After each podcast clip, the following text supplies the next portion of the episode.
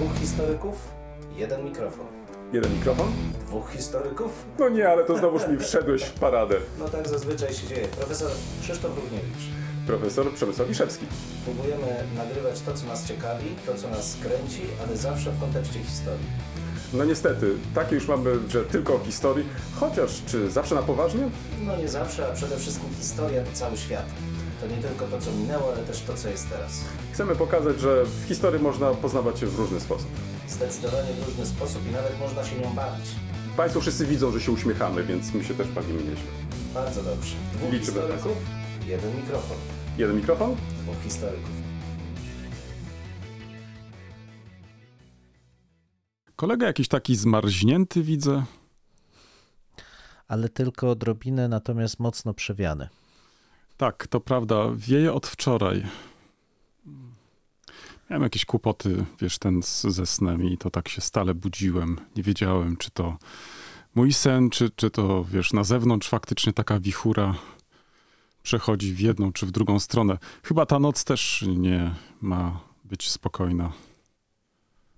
Tak Straszne. podobno ma być, ale, ale, ale powiem z- z optymizmem, że chodząc e, po Wrocławiu dzisiaj, mimo wszystko, mimo tej e, niezbyt sprzyjającej pogody, widziałem bardzo wielu wolontariuszy i, i ludzi, którzy i wrzucali, i naklejali serduszka na swoje kurtki, więc mimo wszystko, mimo tej pogody, to był optymistyczny dzień. To właśnie było kolejne pytanie, więc e, była jakaś szczególna okazja, o której nie powiedziałeś. Rzeczywiście- A, kolega wyciąga ze mnie. A co? Rzeczywiście, proszę Państwa, w, to, to dość wyjątkowa sytuacja, bo w, we Wrocławiu od zeszłego roku, to drugi raz mam nadzieję, że będzie to tradycja, wszystkie wrocławskie uczelnie wyższe proponują jako mm, taki akademicki Wrocław e, serię własnych aukcji dla WOŚP-u. Poza tym, co każda z uczelni sama wystawia, tutaj również wszystkie razem, jako pewna wspólnota, proponują te aukcje. Też e, już drugi raz pojawiamy się rektorzy w studiu WOŚP-u we Wrocławiu. No i zachęcamy, opowiadamy. Dzisiaj również troszkę też takich prywatnych refleksji, wspomnień na ten temat przedstawialiśmy. Dlatego też pojawiłem się w centrum Wrocławia w niedzielę. Nie tylko dlatego, żeby wrzucić coś do puszki, ale też trochę służbowo. Ale miło było. Czy to był prognostyk jakiś na przyszłość? Bo to chyba nieczęsto się zdarza, żeby się spotkać w jednym miejscu, e, powspominać i to jeszcze do tego wszystkie uczelnie Wrocławia. No akurat tutaj mieliśmy delegację, bo rzeczywiście w zeszłym roku byliśmy wszyscy, w tym roku było nas e, tylko czwórka. Czy to będzie prognostyk? Ja generalnie jestem zwolennikiem wspólnego działania na wielu różnych frontach, bo takie wspieranie się, wzajemne inspirowanie jest bardzo korzystne. A co z tego wyniknie? No cóż, czas pokaże. Mm. Em, to co, to rozgrzaliśmy się już wystarczająco? No myślę, że tak. Mówiliśmy, że było zimno, nie? Także wiatr wiał. Ja nawet boję się zaglądać e, teraz za okno. Ale ja byłem, byłem, wróciłem z psem, A, pies nie tym, odleciał. tym razem, tym razem pies pozwolił ci się poprowadzić trochę. Tak. Pięknie. Wyjątkowo. Y, Teraz ty pierwszy. No wiesz, y, tym razem muszę ciebie i państwa muszę po prostu mm, niestety z, e, rozczarować. Wiesz, Hmm. szukałem jakiejś takiej ciekawostki, y, którą mógłbym przedstawić szerzej, ale uzmysłowiłem sobie przed y, naszym mm, nagraniem, że no nic się właściwie nie nadaje. Myślałem, żeby pójść tak trochę, wiesz, e, że tutaj jakieś odkrycia archeologiczne, ale pomyślałem sobie, Boże, to przecież to jest strasznie nudne. Em, To może jakieś odkrycia płetwonurków.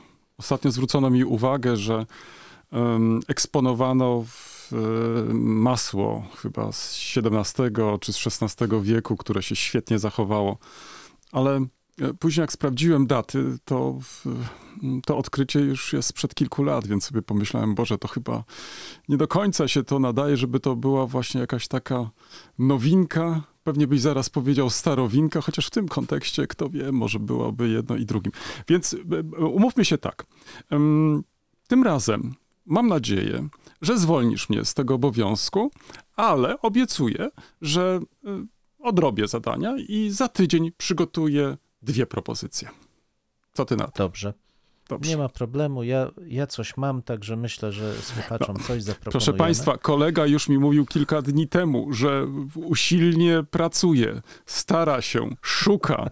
E, No i teraz, no i teraz posłuchajcie sami. Posłuchajcie sami. To jest ta kilkudniowa jego praca i to jest efekt. Ale to tylko fragment, proszę Państwa, bo ostatnio mówiliśmy o przemianie kobiet w mężczyznę, ale gdzieś na marginesie e, różnych e, dziwnych rzeczy zastanawiałem się, w którym momencie zaczęto formułować takie zalecenia kulturalne dla mężczyzn. No bo generalnie wiemy, że dla mężczyzn przygotowywano różne zwierciadła, opowieści, jakimi mają być bohaterami, jak mają rządzić, no różne tego typu rzeczy. Ale skoro kobiety mają się zamieniać w mężczyzn, a jak wiadomo, to kobiety są nośnikiem kultury, nie mężczyźni, mężczyźni są zazwyczaj od rozbijania, a kobiety od tworzenia, to zacząłem się zastanawiać, w którym momencie naszła kogoś taka refleksja, że mężczyzn też trzeba nauczyć pewnej kultury. No i kultury przy stole na przykład. Okazuje się, że stosunkowo wcześnie, no może nie aż tak, jakbyśmy tego chcieli, ale mam tutaj fragment e, autorstwa Petrusa Alfonsi z początku XII wieku o zachowaniu się przy stole. I zacytuję Państwu, bo wydaje mi się to całkiem e, początek XII wieku, całkiem współczesne nawet i dziś. Proszę Państwa. Nie jedz chleba przed podaniem pierwszego dania, bo ludzie pomyślą, żeś nieopanowany. Nie wkładaj do ust kawałka tak dużego, że okruchy sypią się na prawo i lewo, bo zostaniesz uznany za żarłoka. Nie połykaj tego, co masz w ustach, dopóki dobrze nie przeżujesz, żebyś się nie udławił. Nie pij, póki nie opróżnisz ust, bo ludzie wezmą cię za pijaka. Nie mów z pełnymi ustami. To kawałek jest oczywiście dłuższy trochę, ale ten bardzo mi się spodobał, no bo proszę Państwa, jakbyśmy tak spojrzeli na zasady savoir vivre, no to wypisz, wymaluj, można je zastosować również dzisiaj. Pomimo, że w tym okresie jeszcze widelcy nie znano i rzeczywiście głównie jedzono przy pomocy łyżki, noża i naszych palców. Zatem, drodzy Państwo, jeżeli będziecie jedli uważnie i nie rozsypywali okruchów, nie będziecie też przed pierwszym daniem spożywać chleba, choć jak wiadomo, czasami te przekąski gdzieś tam zawierają startery, element chleba, oraz nie będziecie za dużo pili, łykali nieprzerzutych pokarmów, to możecie powiedzieć, że zachowywaliście się jak kulturalny, średniowieczny szlachcic z Hiszpanii. Dziękuję.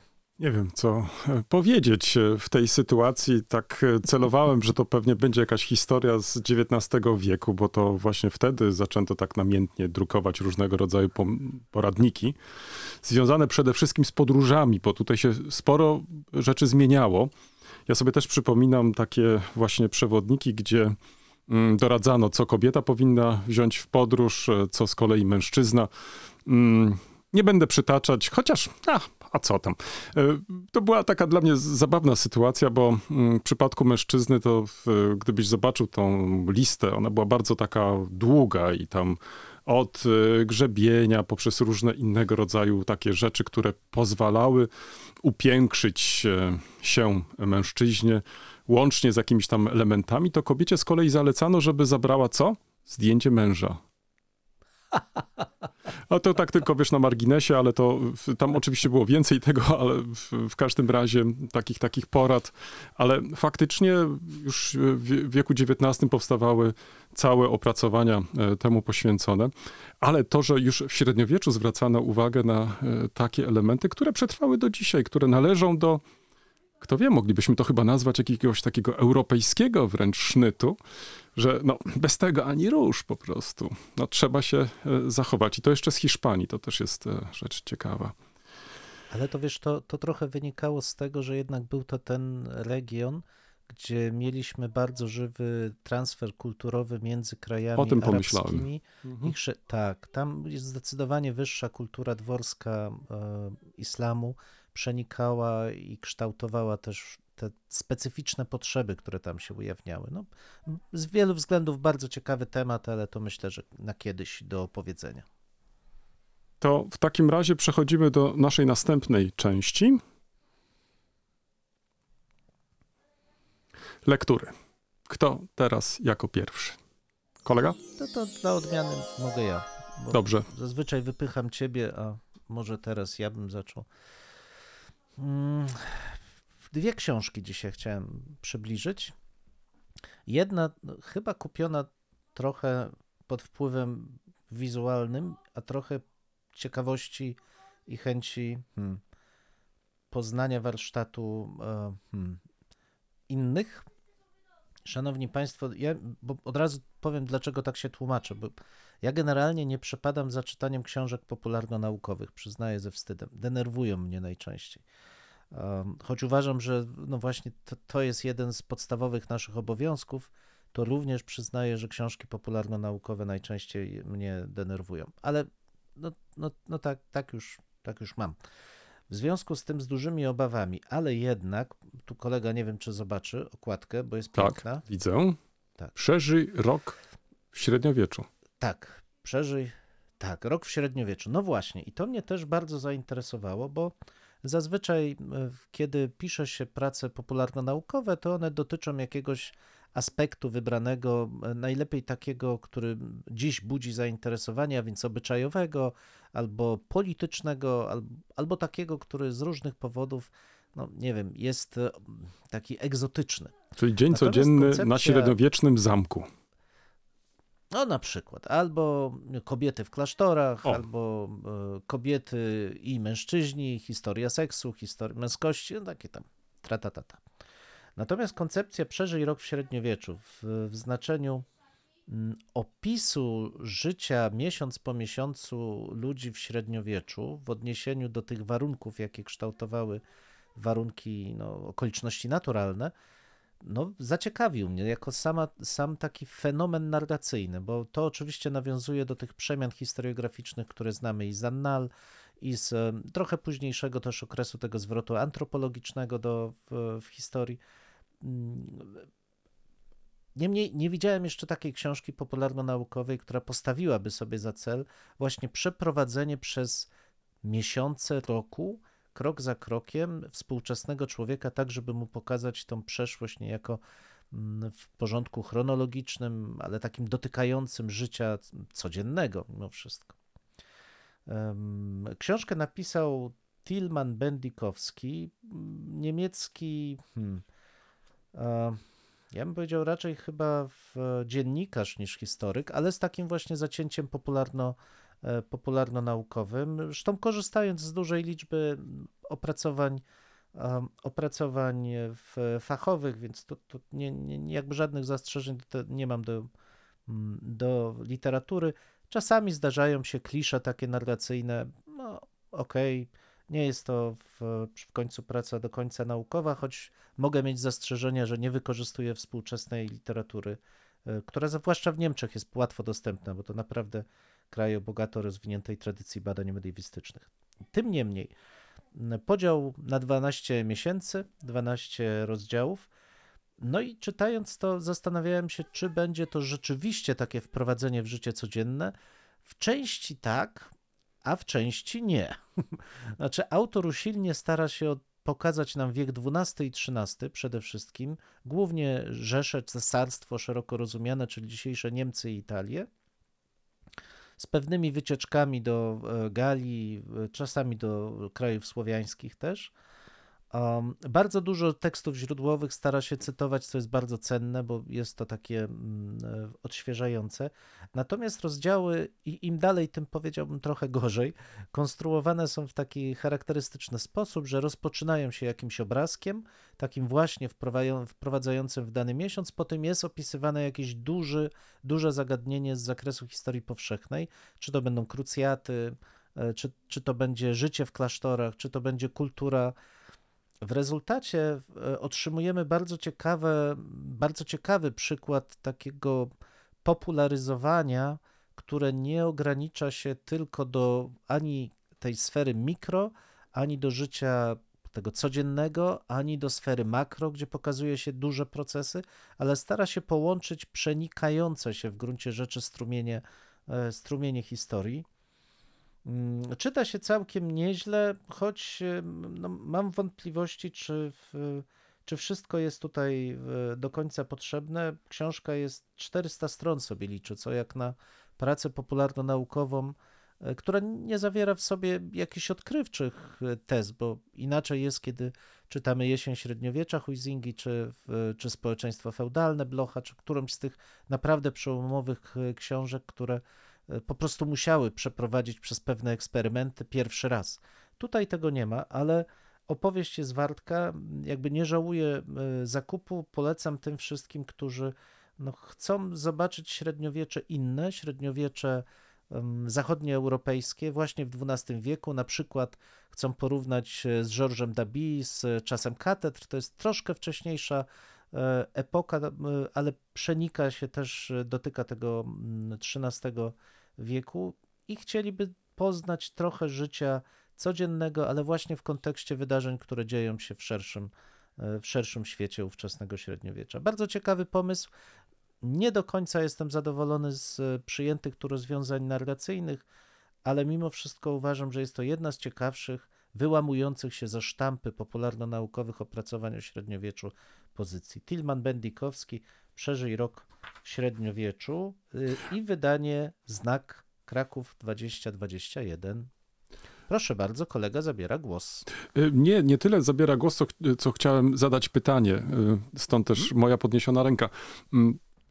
Tak jak y, słuchałem teraz y, tego, jak y, relacjonowałeś zawartość tej książki, wydało mi się, że konstrukcyjnie to nie była wcale taka prosta sprawa, bo mm, zmieścić w 12 rozdziałach 12 miesięcy, jak to się autorowi udało? Przecież to nie było kalendarium, czy to nie jest kalendarium, a jednak zaproponował mm, duże tematy, tak jak wspomniałeś, i, w związku z tym starał się też zwracać na jakieś mniejsze zagadnienia i tak dalej, i tak dalej. Więc jakiemu to się udało?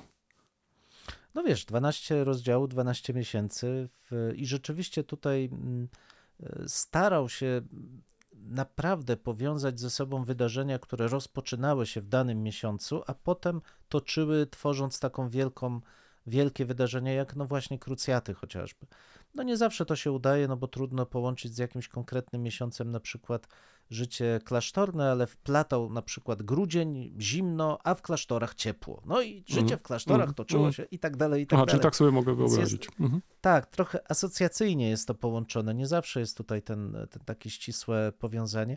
No ale mówię, to, to mimo wszystko jest to bardzo ciekawy sposób, bo jednak coś o tych życiu w tym konkretnym miesiącu się mm, wspomina, chociażby ile, jak wyglądała kwestia aprowizacyjna, jak wyglądały drogi wiosną. Takie rzeczy, których nie zawsze można by mm, w tym kontekście oczekiwać, e, a są.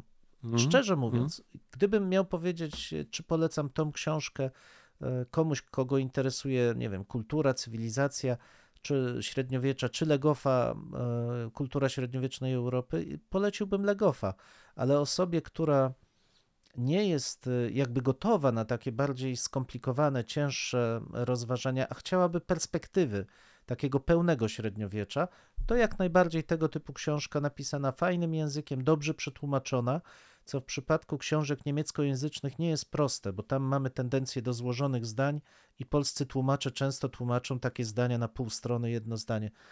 Tutaj tego uniknięto, naprawdę jest to dość e, dobrze zrobione, fajnie się czyta. Ja, ja jestem zadowolony, nie żałuję wydatku. Drugą książkę mogę? Tak, oczywiście, jak najbardziej. Panie kolego, o, proszę. Oj Boże, kolega, proszę Państwa, znów e, tak, on zostawił to tak specjalnie w, i pokazuje mi też jeszcze tutaj do ekranu.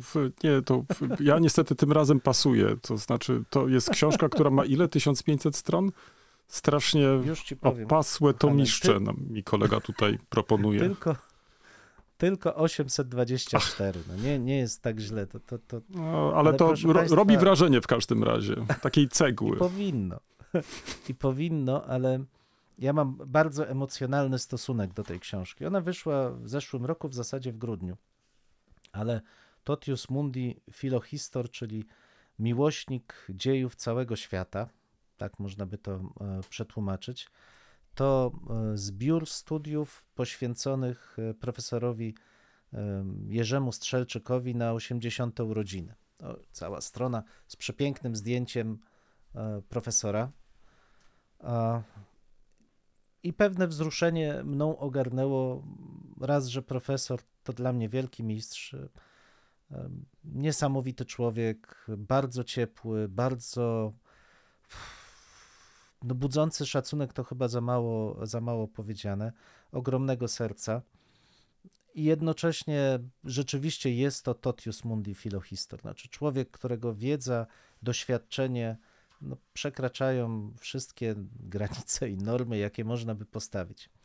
A z drugiej strony mam tutaj, w, no dodam tylko, że bibliografia prac za 1965-2021 od 65 roku, proszę Państwa, to są epoki, epoki.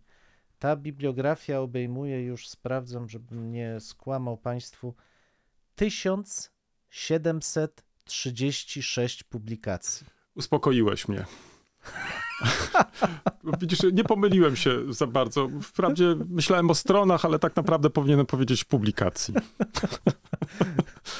Proszę Państwa, Ach. żeby było jasne, to, to profesor nigdy nie był łowcą notek bio, bibliograficznych, czyli nie publikował króciutkich notek i nie wliczał ich jako osobne publikacje. To są co najmniej recenzje, ale zdecydowana większość to są artykuły, e, artykuły recenzyjne i e, monografie.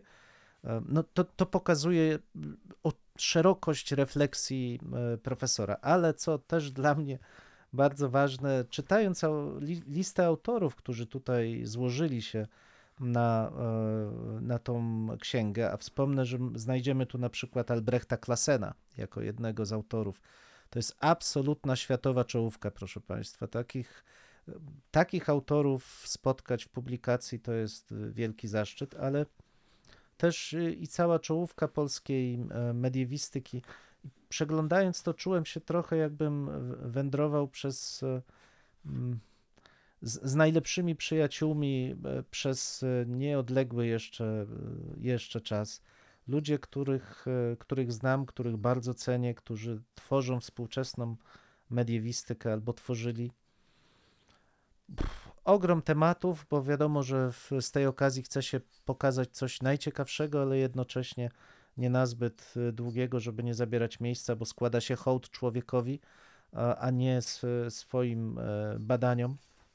No i wreszcie podsumowanie, proszę Państwa, w, m, właściwie krótki szkic e, pióra e, wrocławskiego mediewisty Marka Cetwińskiego, wielkiego przyjaciela profesora Strzelczyka, o tym, czym jest, e, czy czym była historia dla profesora Strzelczyka, czy nadal jest, bo profesor jest dalej aktywnym historykiem. Jeżeli pozwolisz, to tylko zacytuję. Ale krótko. oczywiście, jasne.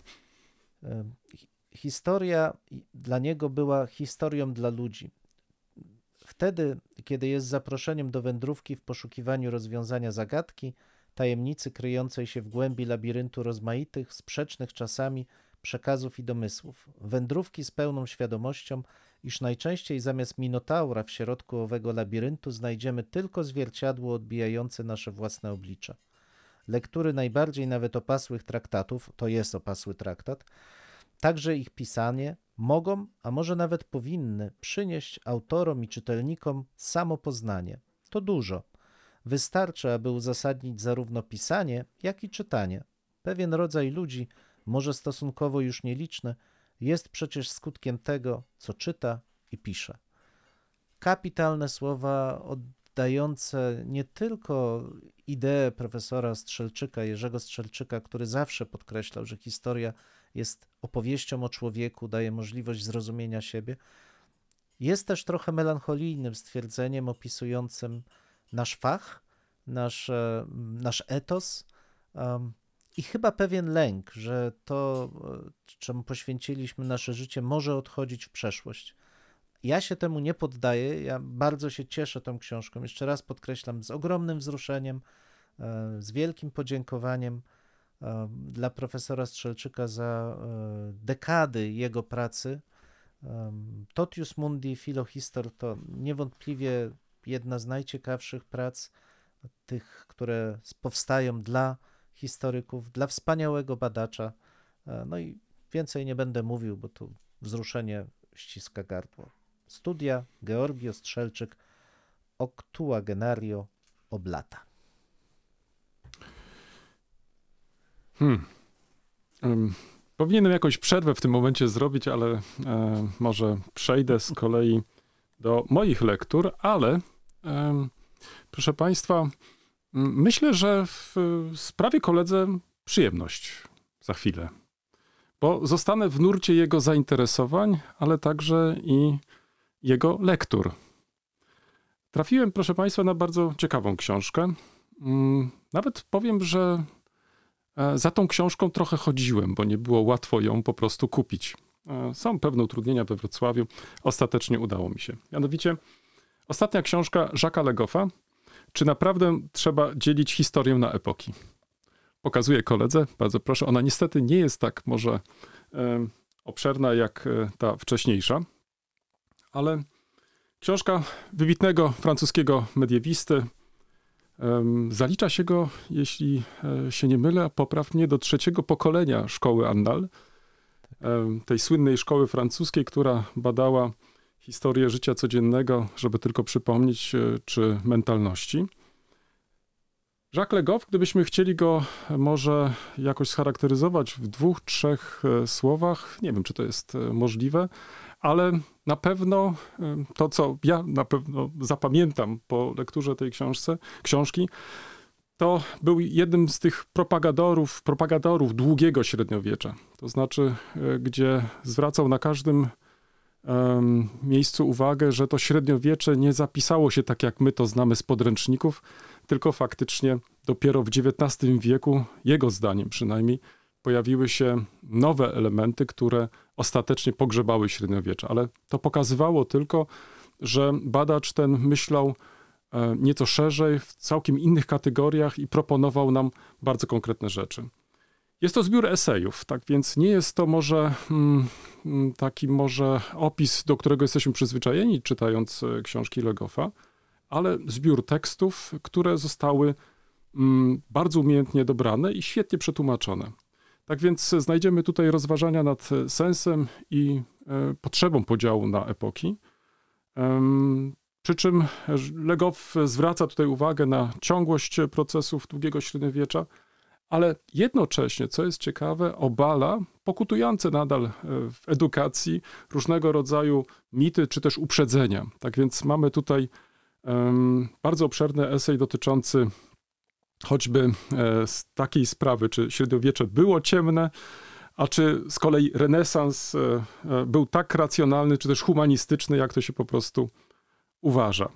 Tak więc mm, polecając Państwu tą książkę, a myślę, że warto do niej zajrzeć i z przyjemnością przeczytają ją nie tylko e, mediewiści, ale także osoby generalnie zainteresowane historią, bo autor, co mnie się strasznie podoba i to mm, to jest, powiem, też taka cecha, chyba jednak mimo wszystko specjalistów zajmujących się wcześniejszymi epokami.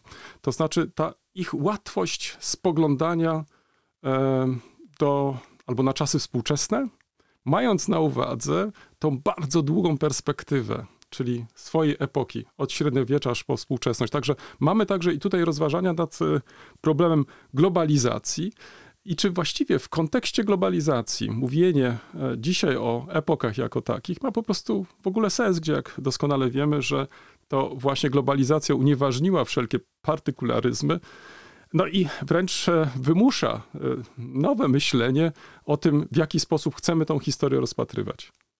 Tak więc e, mogę tylko tą książkę polecić. e, Jacques Legoff, czy naprawdę trzeba dzielić historię na epoki? Wydawnictwo mm, Aleteja. E, Książka ukazała się w ubiegłym roku, tak więc serdecznie polecam. Druga książka, która również, powiem tak, czekałem na nią dosyć długo. Mm, Tu dziękuję księgarni PWN-u we Wrocławiu, bo ostatecznie udało się ją e, faktycznie e, ściągnąć. To są, to jest czasopismo. E, To są teksty drugie pod tytułem Dwie ojczyzny, dwa patriotyzmy. W ubiegłym roku obchodziliśmy 40. rocznicę mm, ukazania się eseju Jana Józefa Lipskiego pod tym właśnie tytułem Dwie ojczyzny, dwa patriotyzmy. I mm, to wydanie czasopisma mm, tekstów drugich, trzeci numer z 21 roku, jest taką próbą na nowo odczytania mm, tego właśnie eseju sprzed 40 lat. Może dwa, trzy zdania o samym tym eseju, bo e, myślę, że warto e, go nie tylko przypomnieć, ale też może zachęcić do ponownej lektury. Naturalnie e, także sięgając po te teksty drugie. Otóż mm, mamy tutaj bardzo ciekawe rozważania Lipskiego nad bardzo aktualnym problemem także i dzisiaj, to znaczy jak rozumiemy patriotyzm. I tutaj on wprowadza to takie rozróżnienie na patriotyzm afirmatywny i, afirma, i patriotyzm krytyczny. Dalej, zwrócił szczególną uwagę, e, skąd czerpała wzory e, polska kultura. On konstatuje, oczywiście dając wiele przykładów, że nie ma czegoś takiego jak czysta kultura polska. Po prostu wielokrotnie czerpaliśmy z, mm, z, z innych kultur. Krótko mówiąc, staraliśmy się w jakiś sposób e, nie tylko przetwarzać, e, importując te treści, ale także, mm, co jest może przez niego też szczególnie podkreślane, ponieważ mamy do czynienia tutaj z tą kulturą otwartą, tak więc e, było to też ogromną wartością. Dlatego też e, z tego choćby powodu e, dzisiaj, nawet też dyskutując o tym, czym jest kultura, czym nie jest kultura, nie powinniśmy, przynajmniej e, nawiązując do mm, słów Lipskiego, z tego powodu się gorzej po prostu czuć, ponieważ nie tylko potrafiliśmy poprzez kulturę otwartą zaakceptować te obce wpływy, ale także je w jakiś sposób importować do także naszej kultury. Ale na tym nie poprzestaje Lipski i e, to nie jest tutaj e, kluczową kwestią w jego rozważaniach, ponieważ on sporo miejsca poświęca dwóm innym problemom, które i dzisiaj są e, bardzo aktualne, megalomanii i ksenofobii Polaków.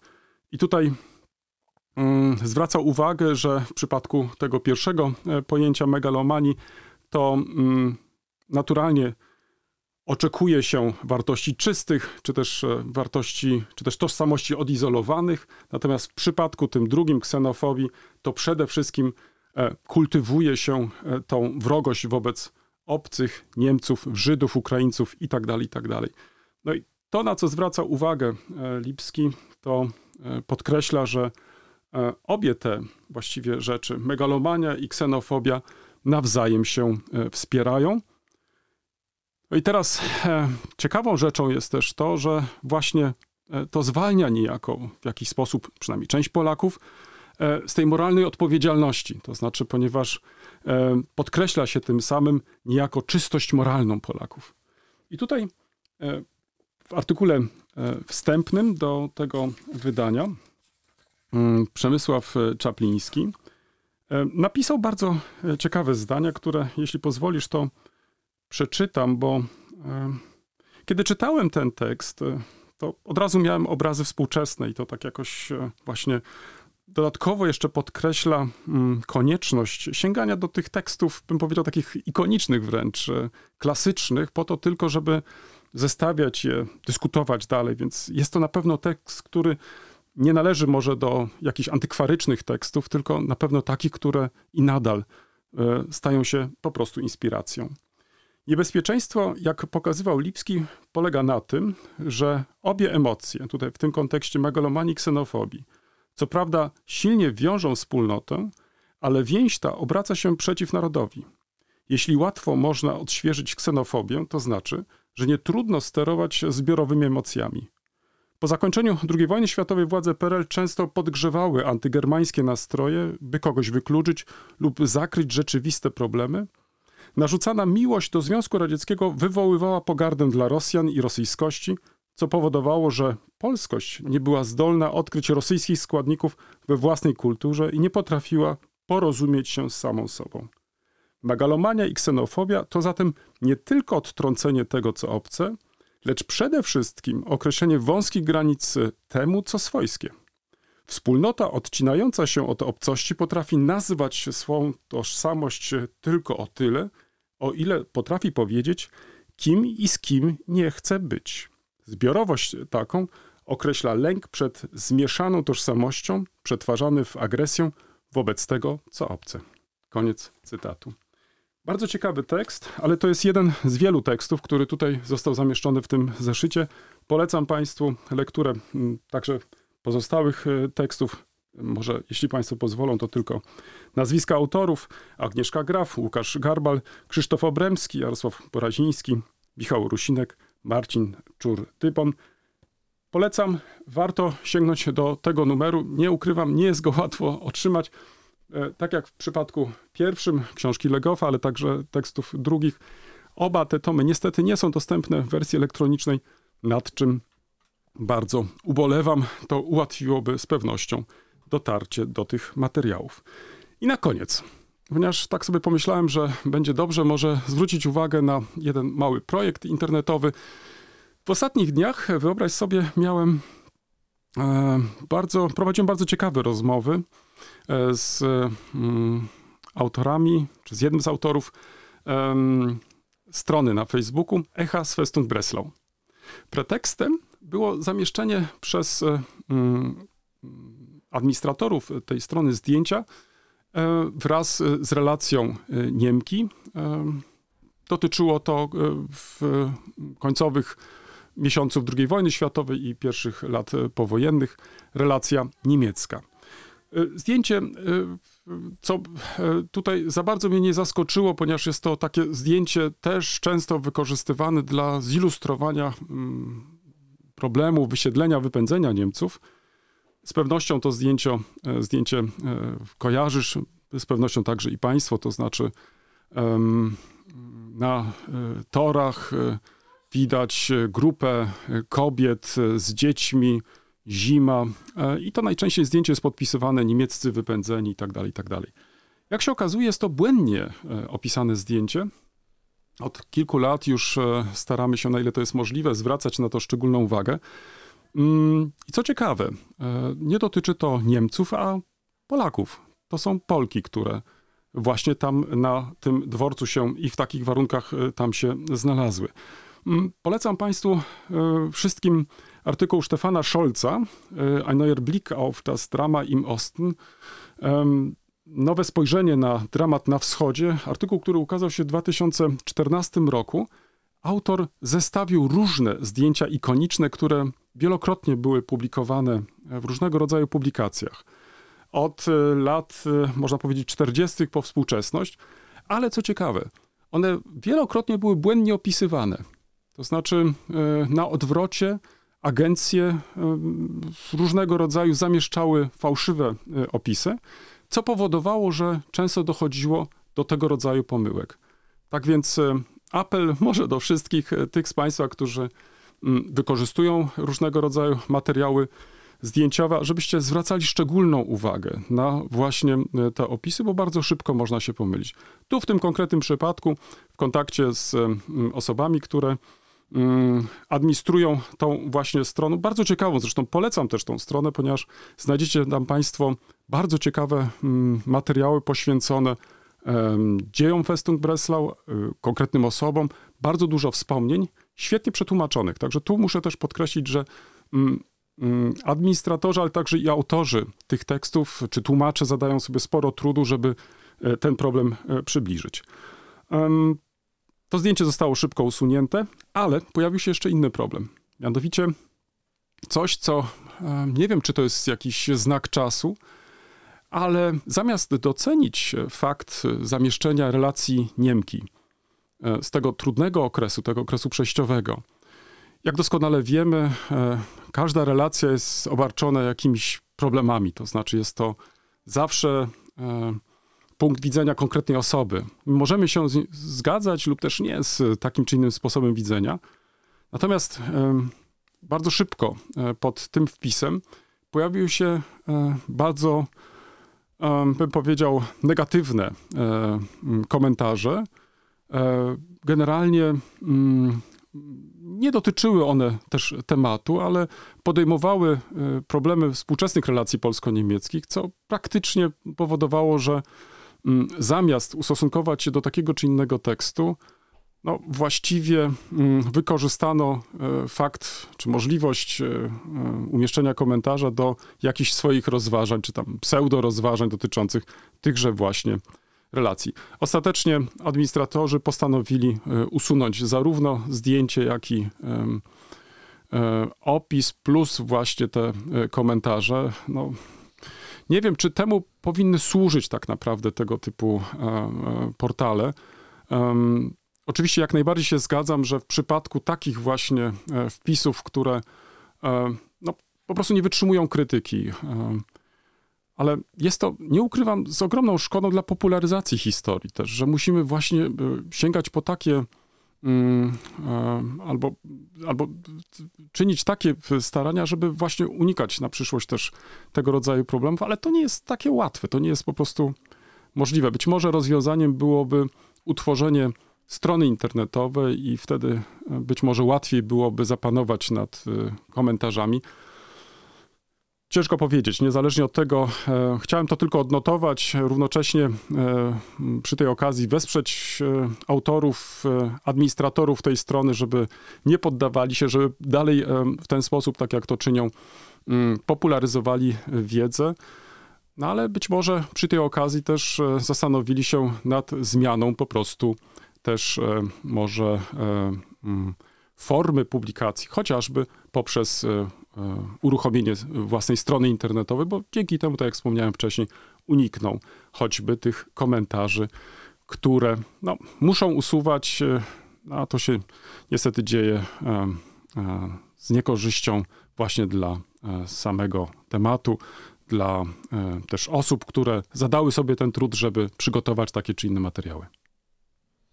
No ja tylko już kró, króciutki komentarz. y, Dwie rzeczy. Próbowałem znaleźć teksty drugie online. Faktycznie nie ma ich.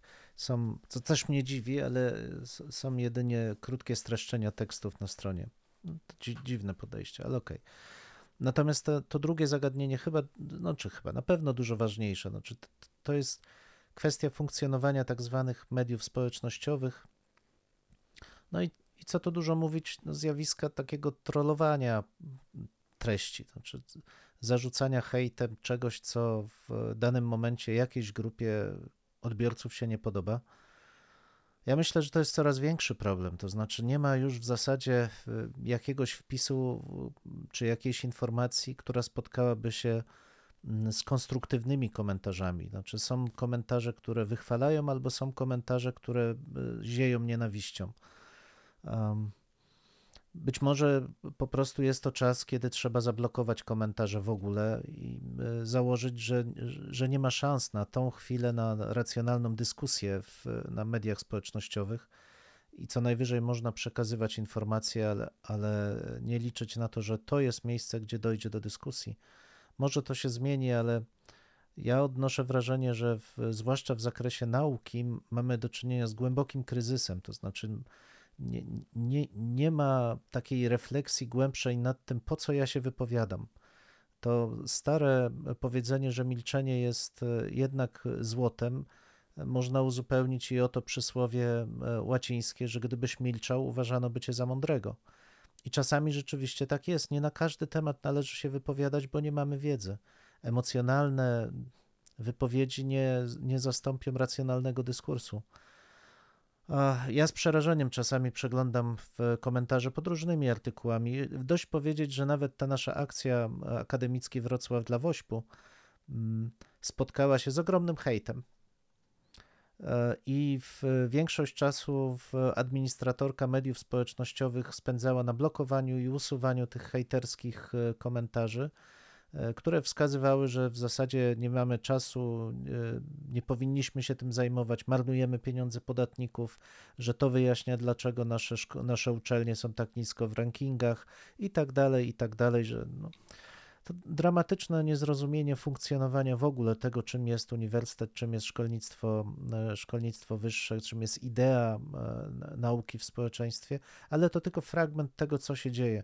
Społeczeństwo wręcz z jakiegoś powodu wyłania takie grupy, które no, no muszą wyrzucić z siebie to, tą nienawiść. absolutnie wspieram redaktorów e, e, tej strony. Z żalem przyjmuję, że zdecydowali się wycofać cały tekst, bo to jest jednak. Znaczy, rozumiem ich, bo wiem, co to znaczy, jaki jest ciężar tej nienawiści, która spada, ale to jest jednak kapitulacja. I ja obawiam się, że im częściej będziemy w ten sposób reagować, tym, tym tylko rozzuchwalamy tych, którzy taki trolling stosują. Ale ja jestem pełen optymizmu zawsze, więc uważam, że mimo wszystko nienawiść to jest tylko pewna erupcja, a to, co zostaje, Mm. to jest informacja, to jest racjonalność, to są ludzie, którzy chcą poznawać świat. Wiesz, przytoczę ci tutaj e, w, mm, mm, króciutki tekst, e, który zamieścili e, administratorzy tej strony, bo, bo tutaj zawarto w nim e, faktycznie wszystkie te elementy, o których przed chwilą, przed chwilą powiedziałeś. Mm, Wielokrotnie podkreślaliśmy, że był, jest i będzie to fanpage dotyczący historii Wrocławia w 1945 roku. Na łamach fanpage'y przytaczamy wspomnienia ludzi wielu narodowości. Jeśli autor mija się z prawdą, to w komentarzu pod tekstem wyjaśniamy gdzie i w jaki sposób. Nie ingerujemy w treść wspomnień i staramy się wybrać jak najbardziej obiektywne i bezstronne. Jeśli ktoś myśli, że za każdym razem będziemy się odnosić do reparacji wojennych, powstania warszawskiego, obozów koncentracyjnych, września 1939 roku, to jest w błędzie. Podkreślamy, ten projekt dotyczy historii powojennego Wrocławia, wojennego Wrocławia, przepraszam, Festung Breslau i pierwszych lat powojennego Wrocławia wraz z jego mieszkańcami, niszczycielami, zdobywcami i wszystkimi innymi, którzy się zetknęli z tym miastem w wyżej wymienionym okresie. I tutaj na koniec inna kwestia, jeśli ktoś posługuje się rysztokowym językiem, obraża innych czytelników oraz próbuje w koślawy sposób mieszać do wspomnień politykę oraz wypaczony nacjonalizm, to zaznaczamy, że owa osoba będzie banowana i pomachamy jej e, na do widzenia. Staramy się trzymać wysoki poziom przedstawianych e, Wam treści i nie pozwolimy na ściek językowy na tym kanale. Widzisz, e, to jest właśnie to, o czym przed chwilą powiedziałeś. Widać tutaj z jednej strony chęć e, utrzymania poziomu i wysokiego poziomu. Przecież nawet sam fakt, że chce się wytłumaczyć, chce się uzupełnić. Na przykład te, te, ten mój głos, który bardzo spokojnie też napisałem i uważałem, że to jest coś no- normalnego, no przecież to, to, co są czasami pewne błędy, które się popełnia, ale spotkałem się od razu, wiesz, z bardzo miłym przyjęciem. Nie ma najmniejszego problemu, em, postaramy się zaraz e, e, zmienić to, usunąć, czy też ewentualnie z mojego punktu widzenia byłoby być może lepiej po prostu dopisać, wskazując, że właśnie ten motyw często, który się pojawia, jest po prostu błędnie opisywany. Ale ja myślę, że nie, nie ma akceptacji właśnie dlatego, tak jak tu autorzy określili, rynsztokowego języka. No przecież to się mija naprawdę z celem. Poza tym nie jest naprawdę szkoda pracy tych e, ludzi, bo przecież to nie jest tylko kwestia dobrania zdjęcia w, czy znalezienia takiego czy innego wspomnienia, ale to trzeba wszystko przetłumaczyć, to trzeba jakoś podać. To trzeba też trochę poczytać na ten temat i no nie wiem, to znaczy, wiesz, e, tak jak powiedziałeś, może faktycznie, gdyby osoba taka czy inna zastanowiła się, dlaczego właśnie takie zdjęcie, dlaczego taka relacja, co ona tak naprawdę wnosi do mojej wiedzy na ten temat i tak dalej, i tak dalej, wiesz, no, ale chyba tu nie o to chodzi, to znaczy, tak jak e, też wspomniałeś, być może taki hejt, może ten trolling e, po prostu jest tutaj przeważający, wiesz, i każdą pracę, która, no, jednak mimo wszystko e, pozwala nam pójść krok dalej, także w tych naszych zainteresowań, zainteresowaniach po prostu to jest wszystko stawiane pod znakiem po prostu zapytania, wiesz, bo e, taki czy inny osobie wydaje się inaczej. Dzwoneczek. Tak, dzwonimy, dzwonimy, to prawda. Mm, bo tak właśnie się trochę już zamyśliłem.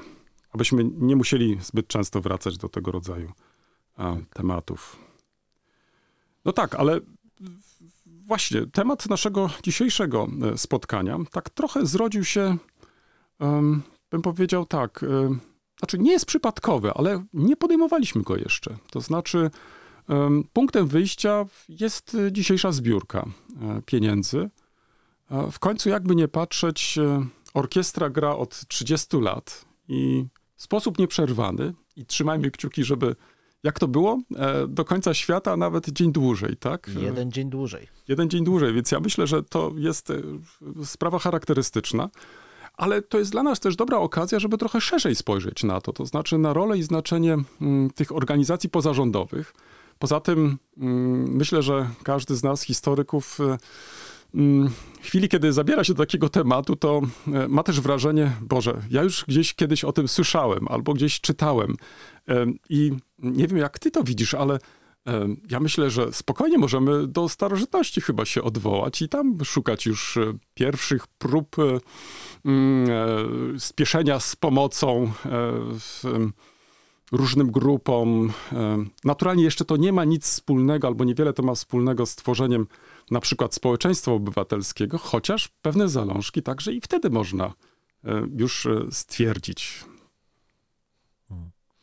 Wiesz co, ja właśnie zastanawiałem się, kiedy można by wskazać e, jakieś podobieństwo do tego, z czym mamy do czynienia w przypadku Wielkiej Orkiestry, bo jest to ruch zupełnie unikalny. Taka działalność charytatywna, oczywiście na całym świecie, w tych zamożniejszych społeczeństwach, ale nie tylko, ma miejsce, ale w tym przypadku mamy do czynienia wręcz z instytucją, która potrafiła połączyć ponad większością podziałów całą społeczność e, i stworzyć regularny system wspomagający państwową opiekę e, zdrowotną, bo to, ja myślę, że większość z nas już ma to wyobrażenie, ale każdy, kto był na jakimkolwiek oddziale, czy będzie to pediatria, czy będzie to neonatologia, to po prostu tych serduszek, zwłaszcza w tych powiedzmy pozametropolitarnych szpitalach jest tak dużo, że czasami człowiek się zastanawia, ale to, to na co w zasadzie państwo dało pieniądze w tych, e, na tych oddziałach, skoro niemal całość tego najważniejszego sprzętu ratującego życie dzieci pochodzi z środków e, Wielkiej Orkiestry. I zastanawiałem się faktycznie, czy w starożytności można wskazać e, podobną sytuację, kiedy z jednej strony państwo albo w, no powiedzmy jakaś e, organizacja państwowa e, stwarza pewien system opieki nad ubogimi, nad chorymi, ale jest on tak niewydolny, że wymaga w, w każdej chwili wsparcia ze strony mm, dobroczyńców, osób prywatnych, organizacji, składek.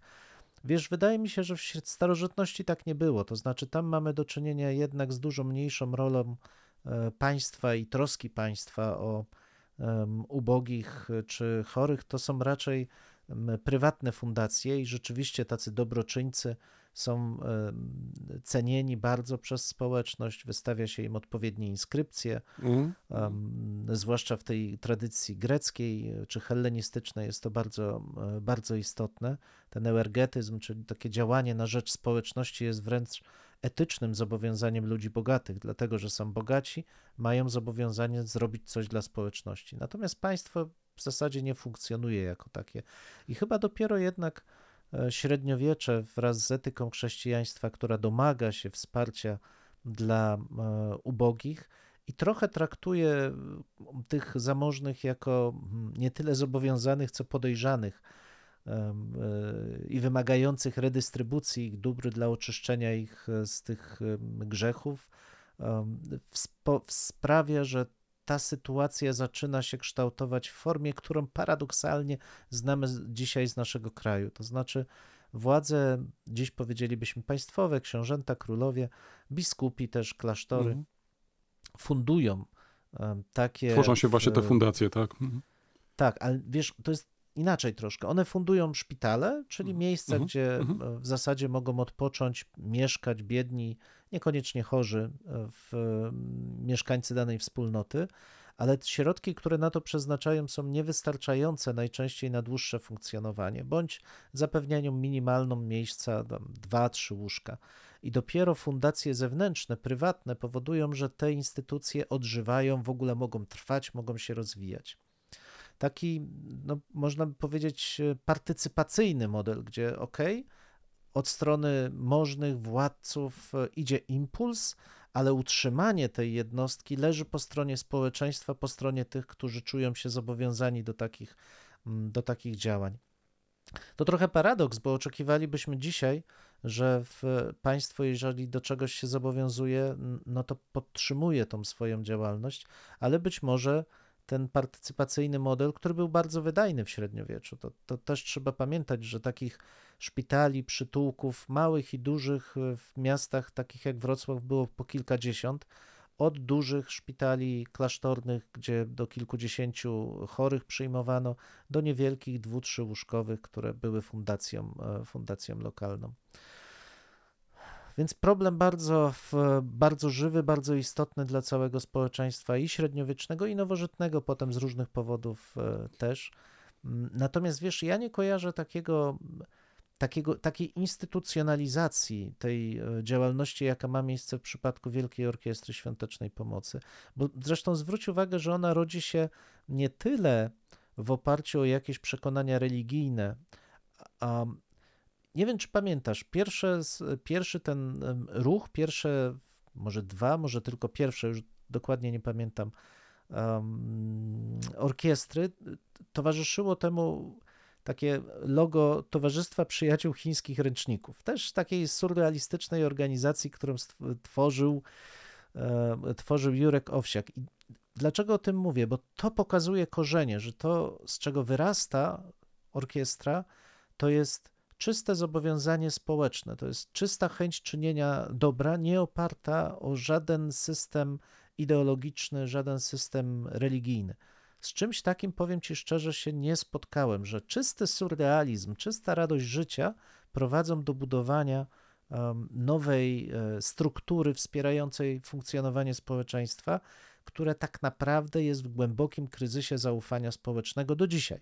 To jest kapitalny przykład, że być może tak będzie wyglądała przyszłość, że w momencie, kiedy opuszczają nas te ideologie, te przekonania, które utrzymywały kulturę europejską przez dwa tysiąclecia, to być może właśnie czysto humanistyczna wola życia, radość życia jest odpowiedzią na te braki.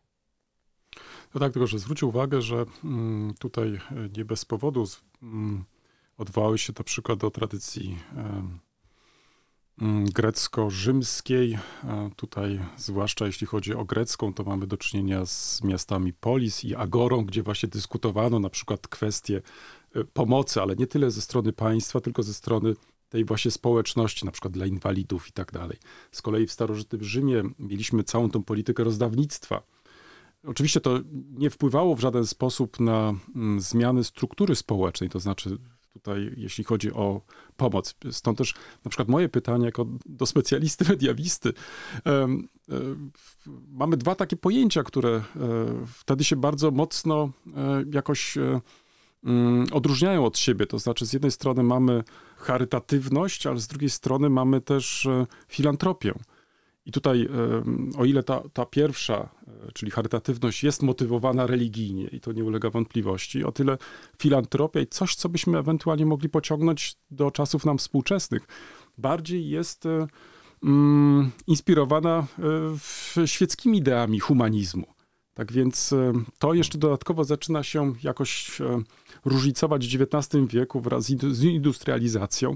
Stany Zjednoczone, z tego co pamiętam, również odgrywają tutaj znaczącą rolę z, z całą swoją siecią różnego rodzaju towarzystw, stowarzyszeń, które wspierają ubogich. E, Całe programy, które wtedy też tworzono. No i oczywiście okres po I wojnie światowej, gdzie również zwłaszcza organizacje społeczne zaczynają odgrywać coraz większą rolę, bo tych potrzeb faktycznie jest e, bardzo dużo, zwłaszcza w społeczeństwach, ale one też nie były przecież ograniczone do społeczeństw e, kapitalistycznych. Co ciekawe, to po II wojnie światowej zaczyna się także i ta sytuacja różnicować. Przecież wiele organizacji, które jeszcze przed wojną działały e, charytatywnie, takiej pomocy przecież nie mogą nieść po II wojnie światowej, są zakazywane, muszą e, czynić to w podziemiu i tak dalej, i tak dalej. Więc mm, być może tym kluczem do zrozumienia charakteru, specyfiki jest właśnie to, mm, jak e, mm, bardzo rozpowszechnione, albo jak inaczej jest trwałe społeczeństwo demokratyczne, a równocześnie e, czy jest świadoma, a na pewno tak, wpływania na zmianę struktur po prostu e, funkcjonowania demokracji, bo przecież to jest jeden z elementów także mm, społeczeństwa demokratycznego. Nie bez powodu przecież e, mówi się o e, w tej działalności społecznej, charytatywnej jako trzecim sektorze, czyli obok państwa i biznesu. To wydaje mi się, że to właśnie to, o czym ty teraz powiedziałeś, to jest właśnie być może jakaś taka próba odpowiedzi też na ten okres przełomu 80-90 roku w Polsce e, i szukania właściwie albo tworzenia tych podstaw społeczeństwa obywatelskiego, którego elementem właśnie była chociażby ta pomoc. Jest ta przecież ogromna pomoc, o której wspomniałeś. Mhm. Wie, wiesz, to fajnie jest spojrzeć też na źródło słowy tych dwóch zjawisk, bo jednak charytatywność jest od caritas caritas, Mhm. czyli miłość dosłownie. Oczywiście w tych różnych hierarchiach chrześcijańskich caritas to jest ta miłość najczystsza, e, nie obarczona żadnymi zobowiązaniami, miłość boska wręcz.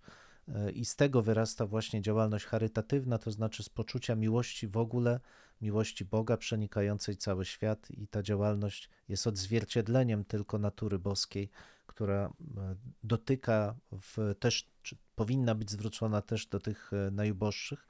Filantropia, filantropos, czyli miłujący człowieka, to jakby nie tyle przeciwieństwo, ale inny punkt widzenia, więc tak jak mówiłeś, humanistyczna, wychodząca do człowieka z samego przekonania, że człowiek jest miarą tej, e, tych naszych zobowiązań, nie tyle miłość e, Boga czy czegoś nadczłowieczego, ale nasze zobowiązania wobec innych ludzi o tym e, decydują.